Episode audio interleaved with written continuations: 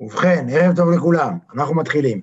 פרק כ"ז היום, אנחנו, אה, שבוע שעבר למדנו פרק כ"ו, שהוא בעצם התחלה של חטיבה חדשה. אה, אני אעשה ככה, בעצם איזה בריף מהיר על מה היה הפרק הקודם, ואז נוכל ישר לקפוץ לפרק הזה. בגדול, הפרק הקודם, אני אגיד בשורה התחתונה, הוא ביקש לעצור, לעצור ולאסור ולעקור את האיבר שקוראים לו איסורי מצפון. זה בקצרה. אה, ובעצם אנחנו אחרי שהתניא מפרק א' עד כ"ה שרטט את העולם, ובעצם שרטט גם את עולמו של הבינוני, את עולמו של האדם, והציג את הייעוד שלו להיות בינוני, כלומר, אדם שנמצא בקרב מתמיד ובלי סיכוי לנצח בשום מלחמה, אה, הוא בעצם מתחיל לשאול, הוא נוגע באחד המאפיינים הכי בסיסיים של הדרך לנצח במלחמות, והוא ממש משתמש במטאפורה הזאת, שאדם שנאבק הדבר הכי חשוב, שהוא יהיה בקלילות ובשמחה. זה בעצם הדבר שהוא מציג בתחילת הפרק הקודם. הוא אומר שהדבר הנורא ביותר שיכול לגרום להפסיד, למישהו להפסיד במאבק זה שהוא כבד ועצוב. והוא בעצם מבקש לעשות אדם שהוא יהיה עם פתיחת הלב וטהרתו מכל נדנות, דאגה ועצב בעולם. והוא עוסק בעצם בפרקים הללו בשמחה, שקודם כל זה נעים, כי זה פרקים ככה, זה נושא שאנחנו אה, אה, הוא יותר אה, אה, אה, מושך לדברים שמטרידים אותנו באופן קיומי, וגם הוא, יש לו דעה מאוד קיצונית בנושא הזה. והוא בעצם מדבר קודם כל על זה, הוא אומר, נגיד באופן פשוט, בפרק הקודם הוא מנה שתי סוגי עצב שעלולים לבוא לאדם. הסוג הראשון של עצב זה עצב מבנה חי ומזוני, כלומר, מצרות של העולם הזה. מבנים, מצרות של בריאות, של ילדים, של פרנסה, מבשורות רעות. הוא בעצם אומר שם אמירה מאוד מאוד אה, קיצונית, שבעצם מדבר על זה שהעולם, מה שאתה רוצה לקבל מאלוהים זה כדבר קטן. מה שאלוהים נותן לך, כלומר, הדברים הגדולים האלו והבשורות הגרועות יותר, זה בדרך כלל פשוט דברים שהם, זה כמו חיסון, זה כמו זריקה. אה, הדברים הטובים זה סוכריה שילד מקבל והוא מבסוט והכול, אבל לקבל אה, חיסון או זריקה זה לא כואב ולא נעים, אבל זה דבר הרבה הרבה הרבה יותר שווה. ובעצם הוא מדבר על זה שהבשורות צריך לברך על הטובה, על הרעה כשם שמברך על הטובה, כלומר לשמוח במה שיש מתוך אה, הבנה שזה עוד סוג, אופן שבו אלוהים מתגלה אליו. וזה בעצם אומר הדבר הראשון, אין לך מה להתבאס על זה שיש לך, קוראים לך דברים רעים. והוא מביא שם אה, באמת אה, הרבה, גם דוגמאות וגם רעיונות, וגם בביאור תניא הבאתי הרבה דברים, הוא בעצם, אין לך מה להתעצב מזה, זה בעצם רגעים שבו הקדוש ברוך הוא נותן לך דבר שהוא פשוט גדול עליך, שאתה לא מסוגל להבין אותו. לתת לילד קטן שטר של 200, זה לא מעניין אותו. לתת לו סוכריה, זה מעניין אותו. וכל דבר שקורה לנו שאנחנו לא מבינים מהו, או שהוא אפילו כואב לנו, מציע בעל התניא לראות אותו כהתגלות ברמה גבוהה יותר של אלוהים, ולקבל את זה בשמחה. זה קשה מאוד, זה משהו שהוא מוכר, אבל באופן שבו טני הציג את זה באופן מאוד מאוד חד, אה, גם בשבילי, וזה חזק. אז זה סוג מסוים של עצב ראשון שהוא מציע להתמודד. הוא אומר, עזוב אותך. וכאן אני אגיד עוד דבר, הוא בוודאי מוציא לחלוטין את תחושת האשמה. לא אמרנו את זה שבוע שעבר, וזה דבר מאוד מאוד ניכר. כאשר קורה לנו משהו רע, לימדו אותנו בניסיון, העולם ה... המועך שאנחנו חיים בו סביבנו, שכנראה אנחנו לא בסדר. כלומר, אם היה לך פאנצ'ר באוטו, סימן שמגיע לי, סימן שמשהו לא בסדר. אני מקבל מהעולם שדר שאני פחות טוב. כלומר, דבר רע שקורה לי, אני מסיק מסקנות על עצמי. אומר לו, אתה יש שטויות. דבר רע שקורה לך, להפך. זו מתנה שהקדוש ברוך הוא נותן לך. מה לעשות שהפה שלך צר מדי, אז זה קצת כואב. אבל הדבר הראשון, הוא לגמרי אומר, עזוב, זה בכלל, אם קוראים לך דברים רעים, שזה דבר מדהים, הרי זה גם נגד התורה, הרי והיה אם שמוע תשמעו, כל מה שהיה אם שמוע תשמעו אומר, יש אם אדם קורא לו משהו רע, סימן שהקדוש ברוך הוא רוצה להעניש אותו. אז פה זה בכלל לא ככה, אם לאדם קורה משהו רע או קשה, סימן שהקדוש ברוך הוא רוצה לתת לו משהו גדול יותר. אין בזה שום אשמה, וזה הדבר הכי חשוב בפרקים הללו של התניא, שהתניא חושש מעצבות נורא, ותכף נדבר על זה, הוא ממש מסתכל על זה כטיפול רפואי נורא מסוכן, לא יודע מה סוג של כימותרפיה, אה, להבדיל, מסוכנת מאוד שצריך להשתמש בה בזהירות בזהירות. והדבר, הפחד הגדול שלו מעצבות, זה שיש לו כמה פחדים, לאט לאט ניגע בין, מקלף עוד ועוד פחדים. הפחד שלו הגדול, גם בפרק קודם ראינו זה, שאדם יסיק על עצמו מסקנות. שאדם יהיה עצוב, שאדם יהיה, יגיד, אוי, איזה יום דפוק היה לי, וכמה לא עשיתי כלום כל הבוקר ואיך נמרחתי מול המחשב, ויתחיל להגיד לעצמו, אני דפוק. ואם אני דפוק, זה ממילא יחליש את הכוח שלו. עכשיו, הדימוי שלו הרי הוא דימוי של מלחמה. דמיינו לכם שבאמצע קרב, או באמצע משימה גדולה, המנהל אומר לעובדים שלו, איזה עובדים גרועים אתם, מה אתם שווים, אתם לא מצליחים כלום. זה לא, יצ... לא יעלה את הסיכוי להצליח. ואנחנו בתפיסה של התניא במלחמה מתמדת ויומיומית, ועל כן הדימוי העצמי שלך כמוצלח הוא קריטי לו, ולכן האיסורי מצפון הם האויב כמעט הכי גדול שהוא מעלה על דעתו. אז העצבות הראשונה שהוא טיפל בה זה עצבות מכל מיני אירועי עולם הזה, מאירועים מצרות. זה העצבות הראשונה שהוא טיפל בה, שהוא גם אומר זה התגלות של אלוהים, והוא בעיקר אומר, זה לא, אל תסיק מזה מסקנות לגבי האישיות שלך. והדבר השני, העצבות השנייה שמתנהל איתה, זה עצבות מזה שחטאתי.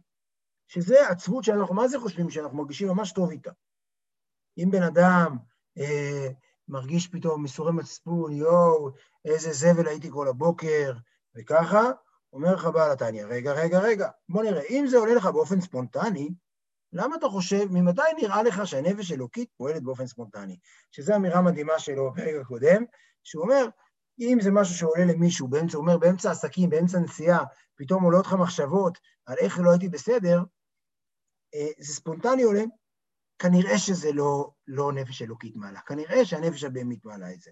בשביל שוב לסמן את עצמך כגרוע יותר ולהכניס אותך למנגנון של עבירה גוררת עבירה. להכניס אותך למנגנון של אוי, איזה דפוק אני, ואם אני דפוק, אז יש לי סיבה טובה להיות דפוק עוד רגע עוד פעם. זה משהו מאוד מאוד עקרוני בדימוי שלו, וזה דבר מדהים מה שהוא אומר שם, שאם אה, אה, אה, אחד הסימנים הכי משמעותיים למשהו, לחשד הכי משמעותי שלו מדברים, זה שהם ספונטניים. ספונטני, תחשוד שזה כנראה מגיע בנפש הבהמית. זו אמירה מטורפת ואמירה שנוגדת באופן מאוד מאוד גדול הרבה מהדברים שאנחנו חווים בעולם שלנו היום. והדבר השני אומר, רגע, ואם העצבות הזאת עולה לך באמצע התפילה, כלומר, אתה באמצע תפילת שבת, הוא אומר, איזו תפילה גרועה, לא התכוונתי לאף מילה, וזה, דפוק אני, עוד יותר גרוע. לא רק שאתה עכשיו לא התכוונת עד עכשיו, גם עכשיו אתה עוסק בעצמך עוד ועוד ועוד ועוד, ולכן הוא אומר, עצבות מייסורי מצפון למה שהוא עשית, היא עצבות מיותרת לחלוטין. אומר, הוא גם אומר בפרק, בפרק הקודם, הוא גם אומר, תשמעו, יש מצבים שבהם באופן מנוהל, ממש באופן מנוהל, ואתה מחליט מראש שאתה נכנס לסוג של ניתוח, מותר לחשוב, לעשות שברון הלב ולהתבונן כמה אתה דפוק. אבל זה מותר לעשות רק באופן מנוהל ומבוקר, ולעיתים מזומנים, ממש רק בתזמון.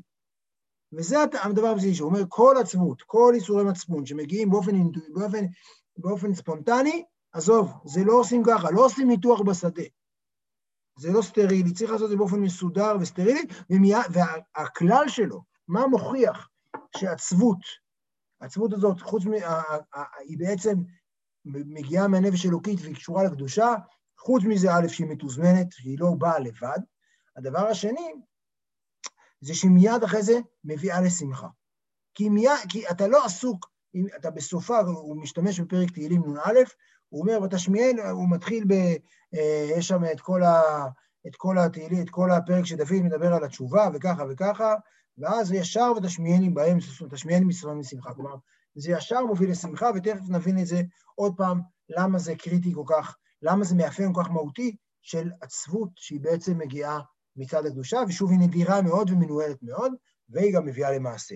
בשונה מכבדות, שתמיד מביאה אותך להשבתה.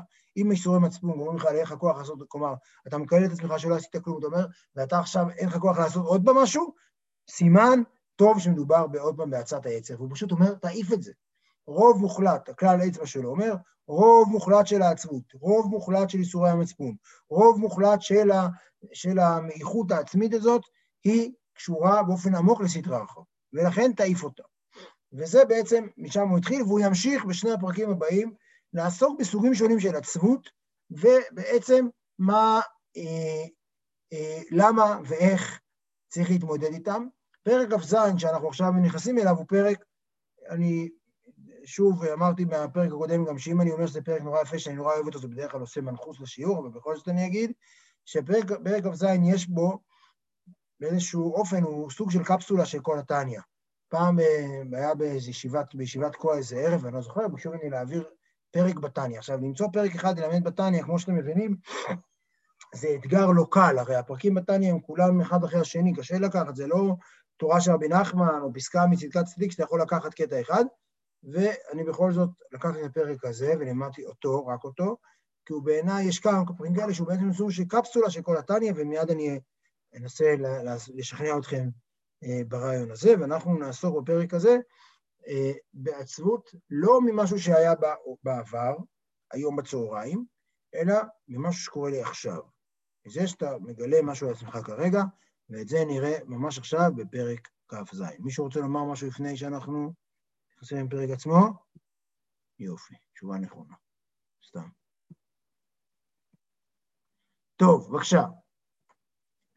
פרק כ"ז.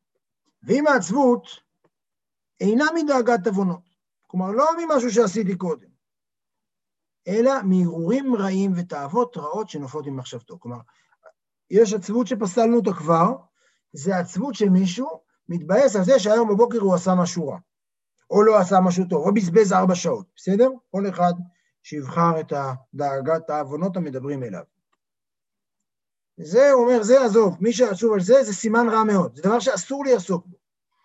הוא אומר, לא עוונות ממש, אלא הרהורים רעים ותאוות רעות שנופלות במחשבתו עכשיו, כן? כלומר, בן אדם שעכשיו יושב, ופתאום הוא מגלה לתדהמתו, שעולים לו דברים ממש רעים לעשות. מחשבות רעות על אנשים, אה, חשק, תשוקות לא, לא, תשוקות של חטא גם, כן, ממש תשוקות של חטא, ועוד ועוד ועוד. עכשיו כאן, הנה נופלות לו, שלא בשעת העבודה. כן, פתאום הוא לא בשעת עבודת השם, כן, אלא בעת עסקו בעסקיו, בדרך ארץ, שנייה, רגע,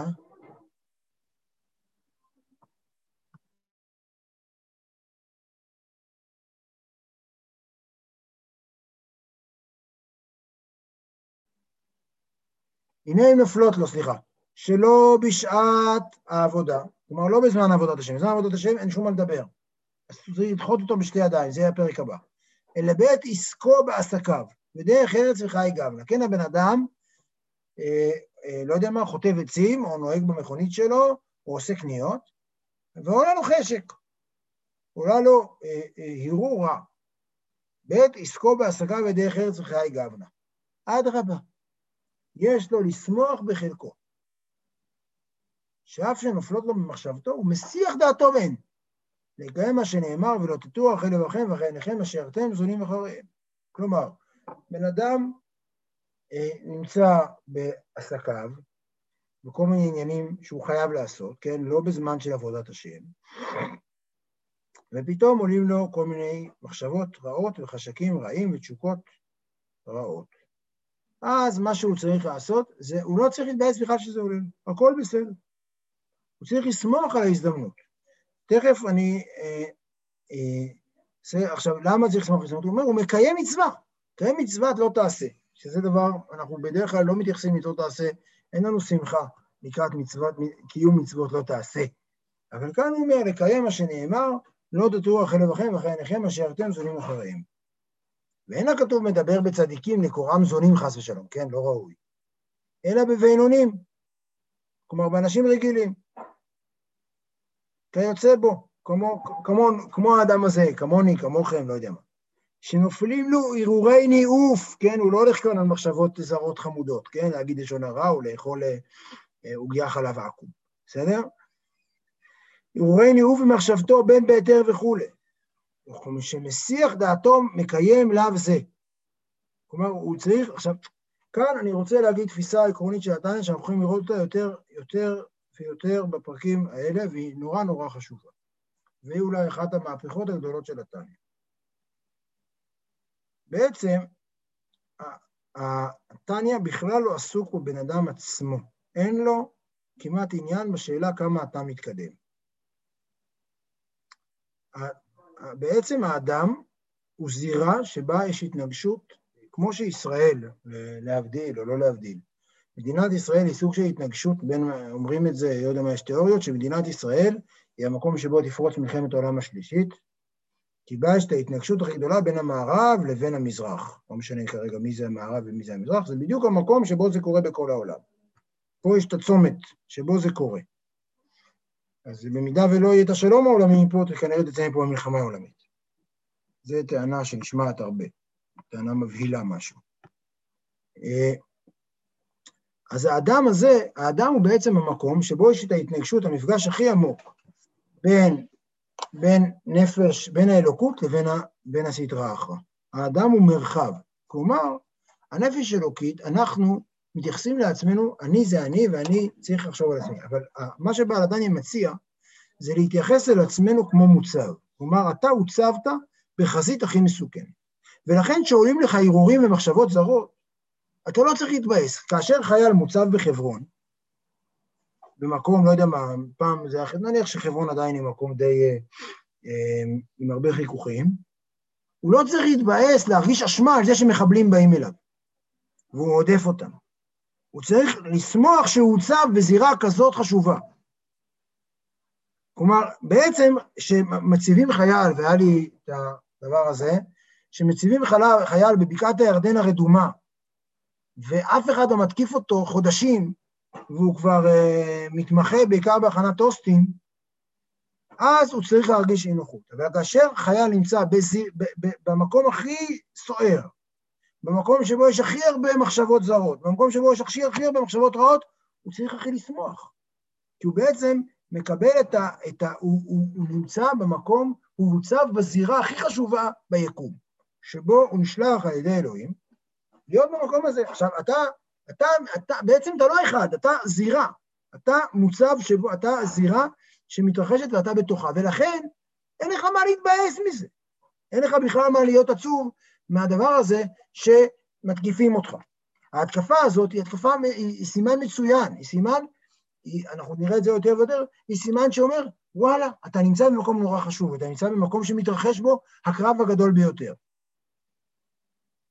ולכן הוא אומר, אתה צריך לשמוח, לא רק לשמוח שאתה מקיים מצוות לא תעשה, אני לא יודע, מדבר אליכם, סבבה, סימן תפי ביומן, קיימתי מצוות לא תעשה, אלא בזה שאתה נמצא במרחב שבו, שאתה, שבו אתה אה, אה, נמצא בצומת מכריע בעולמו, בעולמו של אלוהים. ואתה, אתה הזירה שבה זה קורה, ואתה מצליח בזירה שבה הוצבת, לשמור על הגבול שלך נקי במשמרת שלך.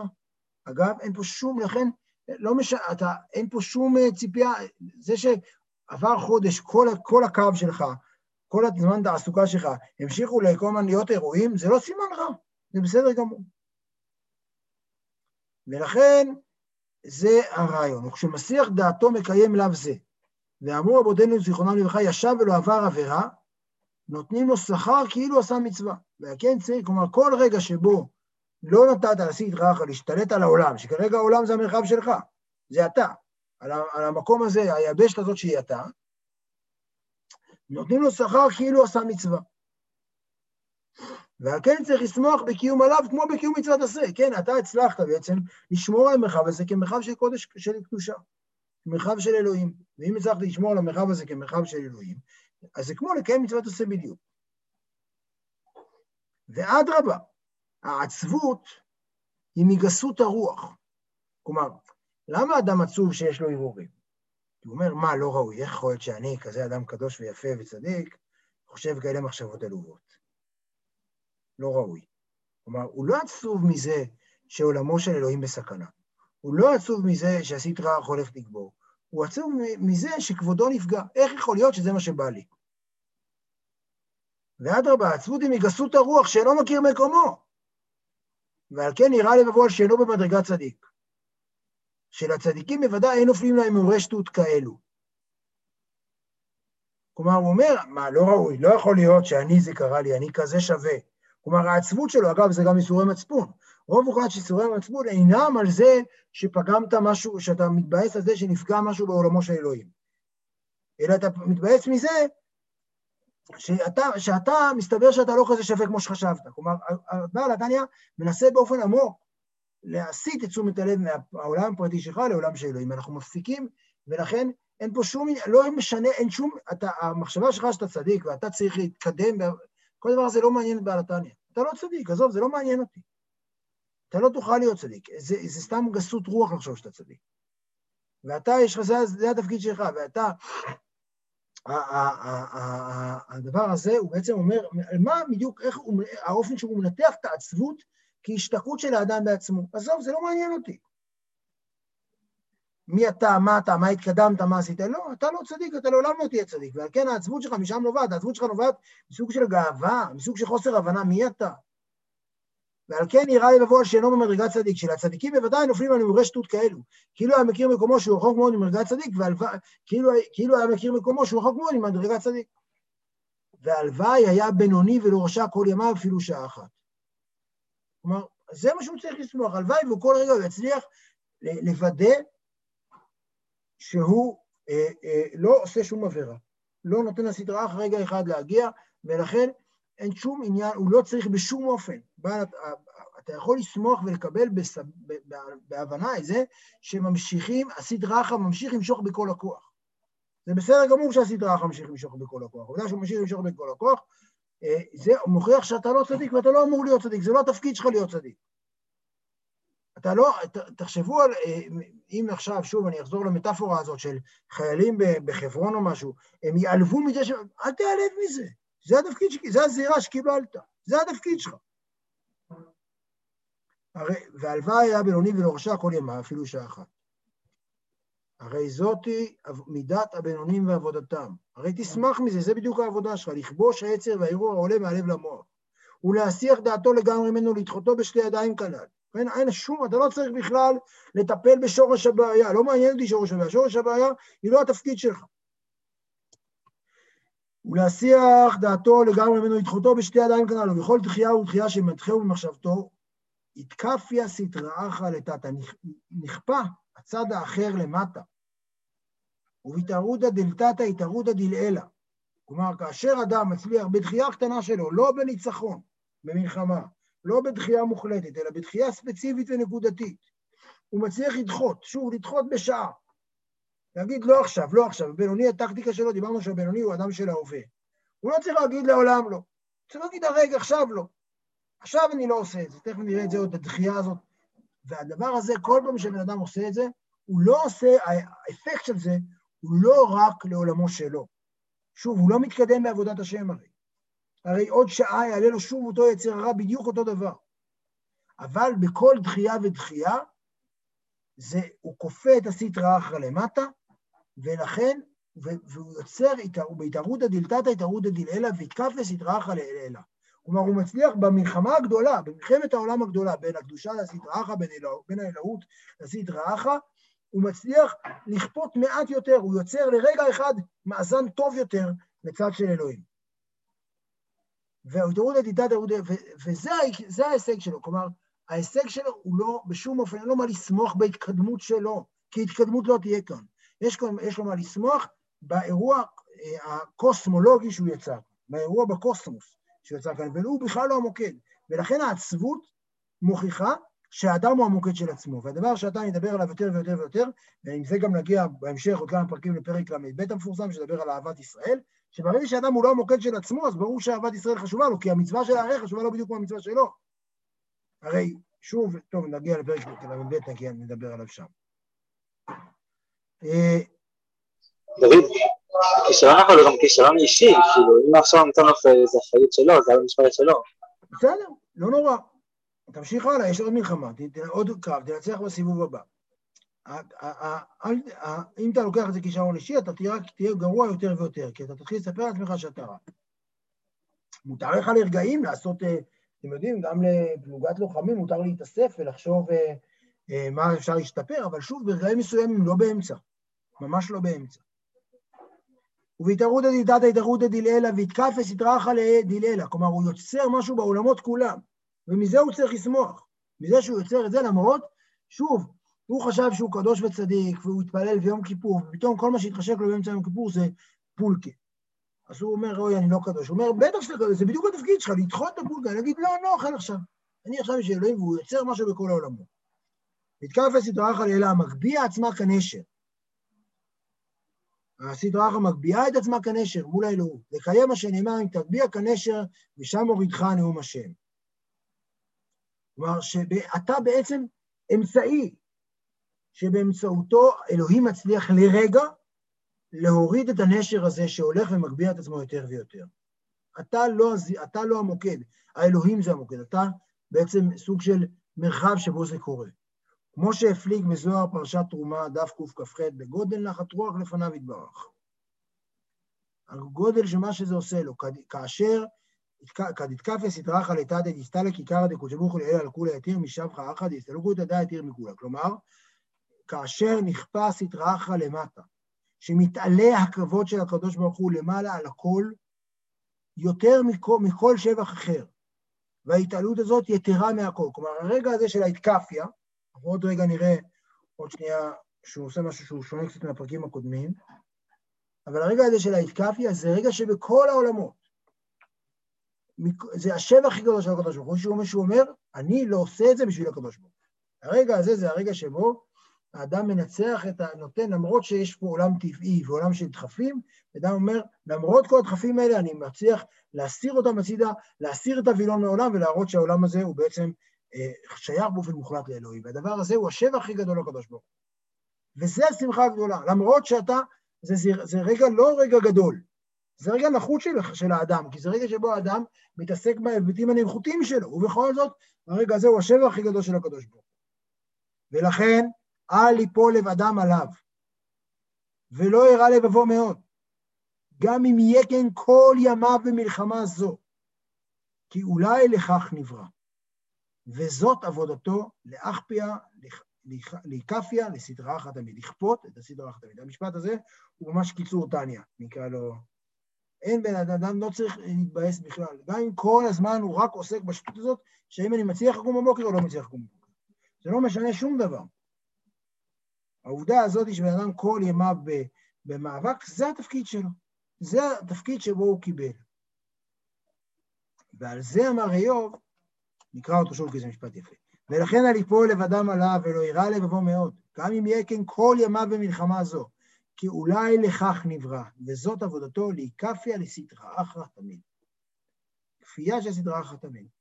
ועל זה אמר איוב בראת הרשעים. כן, הרי אמרנו ממש בתחילת התניא, אומר, איך יכול להיות שאדם, מה נשאר לאדם לעבוד את הקדוש ברוך הוא? הרי הכל נקבע, כי הרי איוב אומר, ברת הרשעים, ברת הצדיקים. אז מה שהוא אומר שם זה הרי צדיקים, הוא הסביר לנו שצדיקים זה תכונה מולדת כזאת, יש 36 אה, כאלה, או שניים כאלה, או לא משנה כמה כאלה, אבל הם סוג של מוטציה, שהתפקיד שלהם בכלל לא עצמה, אלא אין להם איזה תפקיד בבנייה של העולם. אבל הרשעים, לא שיהיו רשעים באמת, חס ושלום, אלא ושיגיע אליהם כמעשה הרשעים, במחשבתם וערעורם לבד. כלומר, הוא רשע בזה, אתה, זה בסדר גמור שאתה מרגיש רשע, שאתה מרגיש שלא התקדמת בשי, בכלום, שאתה מרגיש שלא התעלית. אחד הדברים, התסכולים הכי גדולים של אדם שעובד השם, שהוא מרגיש שהוא נשאר אותו בן אדם נחות. הרי מספרים לו סיפורי צדיקים על כל מיני אנשים שלאט לאט התקדמו. ואני אומר, עזוב, אתה לא מתקדם בכלל, אתה נשאר רשע, העולם של רשע כל ימיך. אבל זה במחשבתם וערעורם לבד, וזה בסדר גמור. והם יהיו נלחמים תמיד להסיח דעתם מהם, כדי להיקפי הסטרא אחרא, ולא יוכלו לבטלה מכל וכול. כי זה נעשה על ידי צדיקים. כלומר, הבן אדם הזה, אין לו שום התקדמות בחיים, הוא מרגיש תסכול, ולכן נתניה עושה כרגע כל כך הרבה פרקים בעצבות. הוא אומר, הבן אדם הזה מרגיש תסכול גדול, כי הוא לא מתקדם, כי לימדו אותו שצריך להתקדם בעבודות השם. הוא אומר בעדיין, אתה לא צריך להתקדם, אין לך שום תפקיד להתקדם, יש לך תפקיד כל פעם לנצח קרב אחרי קרב אחרי קרב, בלי שום חובה להתקדם. והחובה שלך זה, להיות שאתה מרגיש שנשארת אותו דבר, אבל עוד פעם הצלחת להתאפק ולא לעשות את זה ואת זה ואת זה. וזה עבודתך. ושני מיני נחת רוח לפניו יתברך למעלה.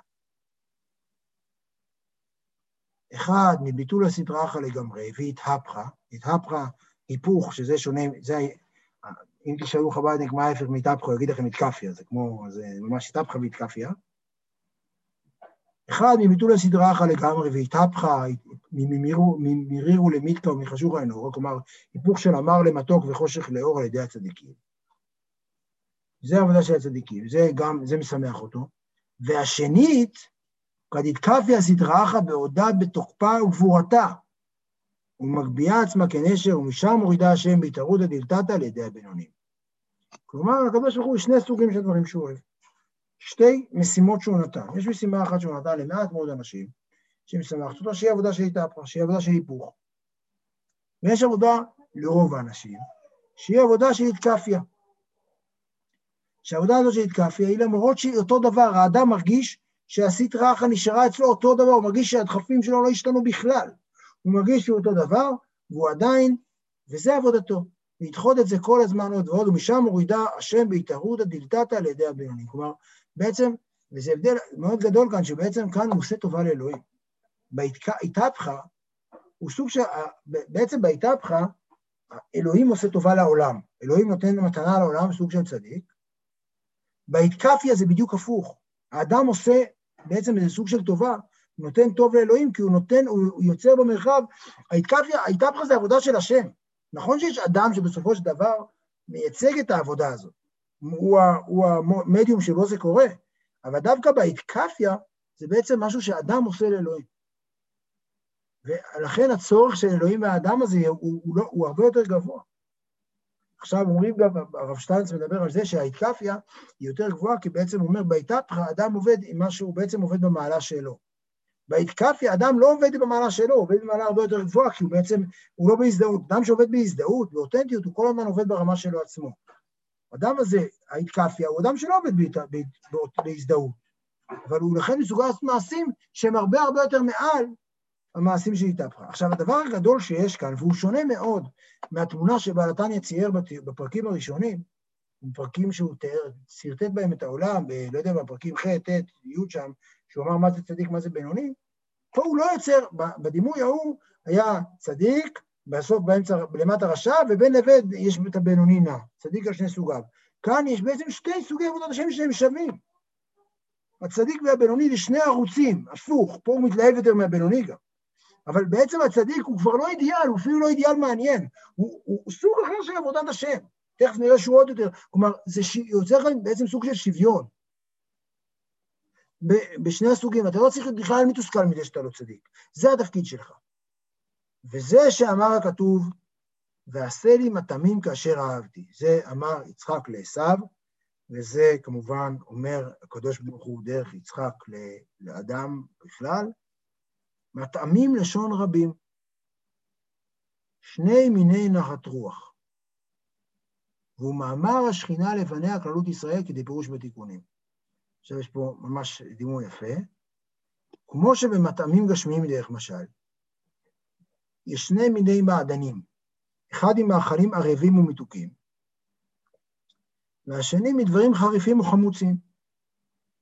רק שהם מתובלים ומתוקנים היטב עד שנעשו מעדנים להשיב הנפש.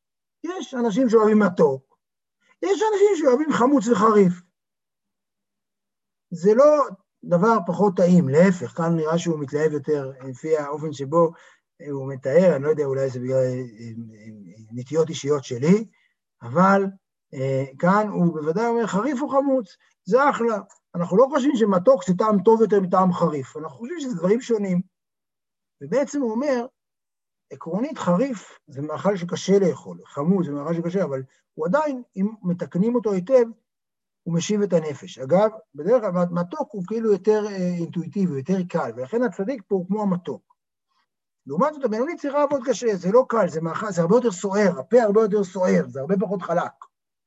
אבל בעצם שני דברים, הקדוש ברוך הוא אוהב שני סוגי מאכלים. ולכן הוא אוהב את עבודת השם של הצדיק, זה כמו שוקולד טוב, לא מריר, שוקולד מתוק זה, ו... והוא אוהב גם את העבודה של הבינוני, שהיא כמו, אמ, לא יודע מה, דג חריף טוב, אז הוא חריף, זה גם טעים לו. זה ממש דימוי מפתיע כאן. וזה בעצם, אבל הדימוי הזה הוא חשוב כאן, כי הוא בעצם יוצר מרחב שבו הצדיק והבינוני אינם כבר שתי דרגות, אינם כבר דרגות בתוך צוברות, בתוך איזה, בתוך איזה מטר, בתוך מד מסוים, אלא הם בעצם שני סוגי עבודת השם. והוא מתייחס כאן לבינוני כאידיאל כשלעצמו. וזה בסדר גמור שאתה בינוני כל ימיך ואתה רשע, וכמו שהוא אומר כאן, עשית רעך בעודה בתוקפה וגבורתה, היא לא השתנתה. אתה לא עברת תהליך של תיקון, אתה עדיין בדיוק אותו דבר. ולכן אצל התניא, אגב, אין עבודת המידות. לא מתקדמים בעבודת השם. אתה כל הזמן באותו הצומת, תנצח קרב ועוד קרב ועוד קרב, וזה עבודתך. להתקדם בעבודת השם זה מהלך של דימוי מתוך בן אדם שעסוק בעצמו. לכן בעל התניא לא יאהב את עבודת המידות. עבודת המידות זה הדרך של האדם להטביע את עצמו יותר ויותר, ולכן כאשר, ולכן הוא יהיה לו יסורי מצפון על זה שהיום בבוקר הוא לא עשה. למה? כי הוא, כי הוא עסוק בעצמו. יסלחו לי כל עובדי המידות כאן. וזה שאמר הכתוב, כל פועל השם למענהו וגם רשע ליום רעה.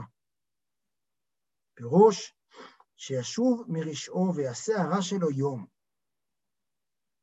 ואור למעלה, כיקפס יתרעך ויסתלק קירת דקודש ברוך הוא כלומר, הקדוש ברוך הוא עשה את הרשע ליום רעה הזה, זה הוא עשה אותך ככה. הוא עשה את זה למענהו. אתה לא צריך להתבאס מזה שאתה נשארת אותו אדם מסכן ונחות, זה אחלה. התפקיד שלך זה לעשות את הרע שלך כל, לעשות את, ה, את היום, את הלילה הזה כל פעם ליום, ואת האור, כאשר אתה כופה את הסטראך, והקדוש ברוך הוא מתעלה, כבודו של הקדוש ברוך הוא למעלה. ולא עוד אלא, אפילו בדברים המותרים. עכשיו הוא הולך למהלך עוד יותר, זה החלק המבאס בפרק, תתכוננו. עד עכשיו היה נעים כזה, קיבלנו אישור על זה ממש בסדר שאנחנו נחותים, ושמחנו מזה שאנחנו לא צדיקים, שזה כנראה הצדיק הוא, הוא פחות משמח את הקדוש ברוך הוא, עכשיו הוא יגיד משהו אה, אה, מעניין. ולא עוד אלא, אפילו בדברים המותרים לגמרי, כל מה שאדם זובח יצרו, אפילו שעה קלה, כן? אומר דברים מותרים לגמרי, למשל, לא יודע מה, לאכול ארוחת ערב, כשרה והכול, כל מה, צריך, דברים הטובים האלה, צריך לסבוח יצרו, כלומר מדי פעם לעשות לקדוש ברוך הוא את הג'סטות האלו, שבהם הוא בעצם שם את עצמו יותר ויותר בצד, הוא נותן לקדוש ברוך הוא יותר ויותר מרחבים, אפילו שעה קלה. הוא מתכוון ניקפיה לסטרא אחרא שבחלל השמאלי, כגון שחפץ לאכול ומאחר סעודתו, עד לאחר שעה או פחות. הוא עוסק בתורה באותה שעה. כלומר, הוא אומר, בואו ניכנס לצור, לצורת חיים כזאת, שבה אנחנו שבה אנחנו עושים, אנחנו יותר ויותר מאמנים עצמנו בדחייה, בדחיינות של הדברים שקשורים לנפש בהמית, גם אם הדברים המותרים לגמרי. בשביל לתת עוד מרחבים של קדושה. כי דהית בגמרא, שעה רביעית מאכל כל אדם, שעה שישית מאכל תלמידי חכמים. למה תלמידי חכמים אוכלים שעתיים מאוחר? אתם בטח חשבתם כי הם קמו מאוחר יותר, או כי הם אה, שתו קפה כל הבוקר, אז לא, הם אוכלים שעתיים מאוחר יותר כי הם רוצים לדחות. בשביל לאמן את עצמם, להיות במקום שבו הם לאמן את השרירים, כי הם צריכים להיות שריריים. והיו מרעיבים עצמם שתי שעות לכוונה זו. אף שגם אחר הסעודה היו לומדים כל היום, כן? זה לא שהם למדו תורה יותר, בסוף הם למדו לפני ואחרי אותו דבר. אבל הם עשו, הם רצו, כמו שאומרים, להרגיז יצר טוב על יצר רע. כלומר, ליצור, להתאמן, סוג של אימון, למרות שלא צריך את זה, הרי אדם שיוצא לריצה בחוץ לא צריך לרוץ, הוא לא אומר שום מקום. אבל הוא רוצה לאמן את הגוף שלו, להיות מסוגל להיות עם סיבולת לב ריאה. אז הוא גם עושה סיבולת התקפיה. זה האימון שהוא מציע כאן. וכן אם בולם פיו ולדבר דברים שליבו מתהווה מאוד לדברם בענייני העולם. כן, ממש בעיה להגיד משהו, הוא סותם את הפה. וכן ביאורי מחשבתו אפילו במעט מזער, אפילו מעט מזער, כן, אפילו אם הוא דוחה בדקה. זה נהדר. אפילו מעט מזער, יתקף וסדרכה לטאטה הסתלק קרדו קודשו ברוך הוא קדושתו לעילה הרבה. כלומר, הוא, הוא יוצר מצב שבו הוא עושה את זה סוג קורבן שהוא מקריב לקדוש ברוך הוא, והוא מעלה את הכבוד של הקדוש ברוך הוא בכל העולם. ומקדושה זו, כאשר האדם יוצא למחנה אימונים הזה, נמשך קדושה עליונה על האדם, למטה. לסייעו, סיוערה ועצום, לעבודתו יתברך. כלומר, זה העבודה שלך, עם שרירים. להיות אחד שמסוגל לדחות, להיות אחד שמסוגל להגיד עוד מעט. להיות אחד שמסוגל לכפות את עצמך, ולא להיות תמיד באיזה מקום שהוא חובר לעצמך. תעשו מה שאתם רוצים עם הרעיון הזה. וזה שאמרו אז רבותינו זיכרונם לברכה, אדם מקדש עצמו מעט למטה, מקדשים אותו הרבה מלמעלה. כלומר, אדם, בעצם מה שהוא חוזר כאן עכשיו לרעיון הכללי, הוא אומר, אדם, הוא מצליח לקדש את עצמו מעט למטה, הוא מצליח רק לדחות ברגע את המחשבה הרעה שלו. הוא מצליח רק לנצח קו אחד. מקדשים אותו הרבה מלמעלה. כלומר, הוא מקבל, העוצמה של המעשה שלו הוא הרבה יותר גדול, לא רק שהוא מקבל שכר, אלא בעצם העוצמה של המעשה שלו הרבה יותר גדול ממה שהוא חושב. הוא סוג של אצבע בסכר והוא לא בטוח שהוא מבין את זה. לבד מה שמקיים מצוות עשה של תורה והתקדישתם וכולי. מה זה והתקדישתם? הרי והתקדישתם הייתם קדושים, והתקדישתם זה בהתפעל. מה זה בעניין להתפעל? זה בעניין שאדם עושה את עצמו. כלומר, אה, לא יודע מה, אה, אדם עושה את עצמו למשהו אחר. אז התקדישתם, אתה עושה, כשעושה את עצמך, כשמקדש עצמו מותר לו, פירוש שהתקדישתם שתעשו עצמכם קדושים. כלומר, אדם צריך לעשות את עצמו כאילו הוא קדוש, למרות שהוא לא קדוש, וזה בסדר גמור שהוא לא קדוש, שהוא לא יהיה קדוש, הוא אין לו שום סיכוי להיות קדוש. עדיין הוא עושה את עצמכם.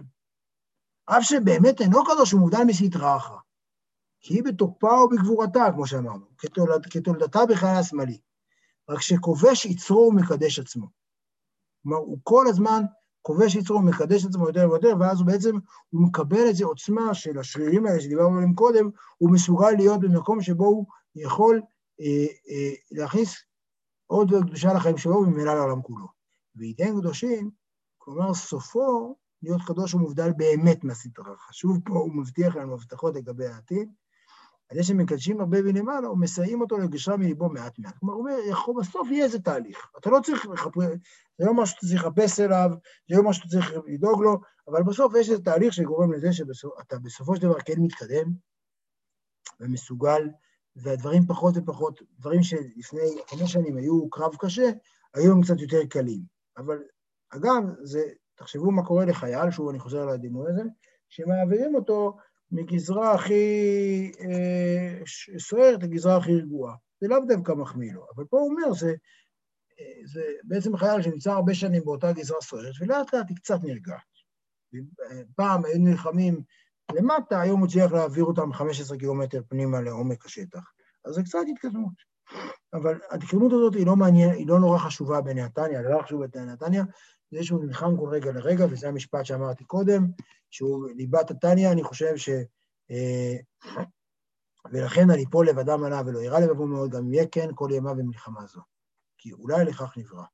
אני חושב שהחידוש של הפרק הזה, אני גם, לכן אני אומר שהוא סוג של קיצור, אני בעצם לראות במלחמה הדבר הכי הגיוני, ולא לחפש הזדהות, ולדעת ולשמוח מזה שזה התפקיד שלך. התפקיד שלך הוא לא להגיע למצב שבו אתה שלם ומתקדם, להיות במצב שבו אתה מנצח קרב ועוד קרב ועוד קרב, זה בעצם הליבה של הפרק הזה. ויש כאן עוד דבר עקרוני, שאין לו בעיה עם זה שעשית רעך נשארת בתוקפה ובגבורתה.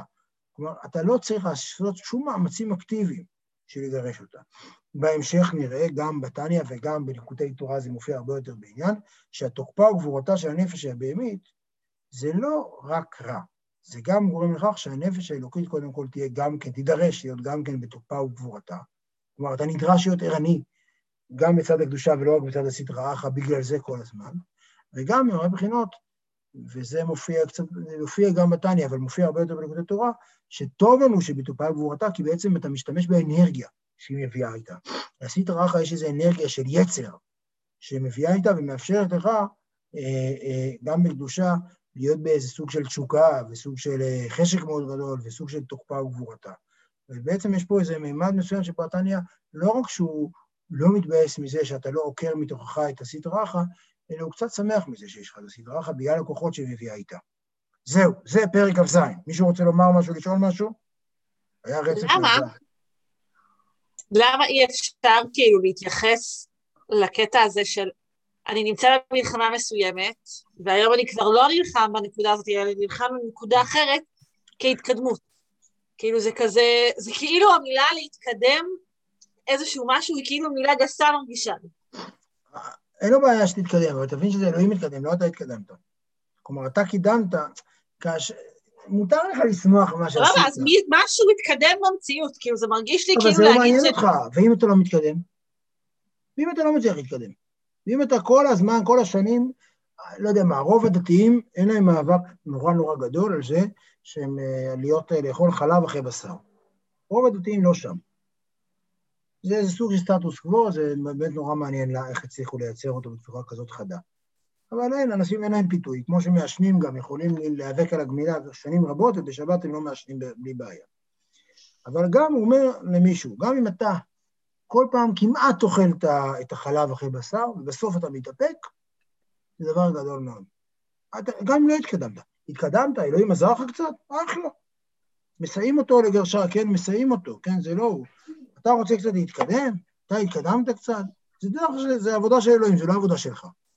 וזה בסדר גמור שזה קרה, אבל, אה, אבל גם אם זה לא קורה, זה בסדר גמור. גם אם אתה תקוע בדברים הכי בסיסיים, פעם ועוד פעם ועוד פעם ועוד פעם, וכל פעם מחדש אתה, כמו סולמות, וח... אתה בסולמות וחבלים, כל פעם יורד בנחש לשלב שתיים כל פעם מחדש, לא נורא, זה התפקיד שקיבלת. כלומר, אין לו התנגדות להתקדמות. הוא מודע גם שאנשים לאט לאט יוצרים, מה שהיה הקרב של אתמול הוא כבר לא הקרב של מחר מאוד פעמים. אדם יוצר לעצמו תשתית של הרגלים. אגב, עוד רגע, בפרק, לא הבא, אלא הבא הבא, בפרק כ"ט, הוא יילחם נגד זה, ויגיד, אוי ואבוי, התרגלת, יש כבר, הוא אומר, דבר על בינוני, שהגיע למצב שבו הוא לא צריך להילחם, והרוב החיים שלו סבבה. זה, הוא מדבר על זה, על טמטום הלב. זו סכנה עוד יותר גדולה, הוא מפחד מזה לא פחות, אבל נניח בן אדם שהתקדם, וברוך השם יש לו מלחמות חדשות, אין לו התנגדות לזה, והדבר המרכזי הוא שגם אם אין לו התקדמות בכלל, והוא נלחם כל פעם את המלחמות, זה בסדר גמור. ולא, והוא עושה מעשה ענק כל פעם שהוא מצליח לנצח קרב אחד. והוא לא צריך להתבאס כהוא זה, זה מזה מתחיל הפרק, הוא לא צריך להתבאס אפילו לרגע אחד, שהוא בעצם אה, באותן שאלות עלובות ומעליבות, כמו שהוא היה בכיתה ג'. אני רציתי לשאול מה הניגוד הזה, אני לא הבנתי את המילה איתקסיה. יש התאפחה ואיתקסיה. התקפיה. כפייה זה כפייה, כפייה, שאדם כופה את עצמו. אדם כופה, נורא נורא נורא בא לו לעשות משהו, והוא כופה את עצמו ולא עושה. זה הבינוני, שהוא כופה את עצמו, שהוא אומר, לא, אני למרות שמתחשק לי כרגע משהו, אני נמנע מזה. והתהפכה זה היפוך, שיש לו, שהוא בעצם, הוא מזדהה לחלוטין עם אלוהים, והוא לא מתחשק לו בכלל עכשיו. לאכול ארוחת צהריים, מתחשק לו רק להתפלל מנחה. הוא אומר, אני מת להתפלל מנחה, זה היפוך. וזה יצורים כאלה שלא מעניינים את התניא כל כך. זה אנשים, היפוך, שהתהפך להם הרצון, הם כאילו הפכו להיות, הם, בא להם לאכול כמו שבא לי לתדלק את האוטו. צריך לעשות זה, אני עושה את זה, אין לי שום תשוקה לזה. יפה, תודה רבה לכולם, שבוע טוב. להתראות.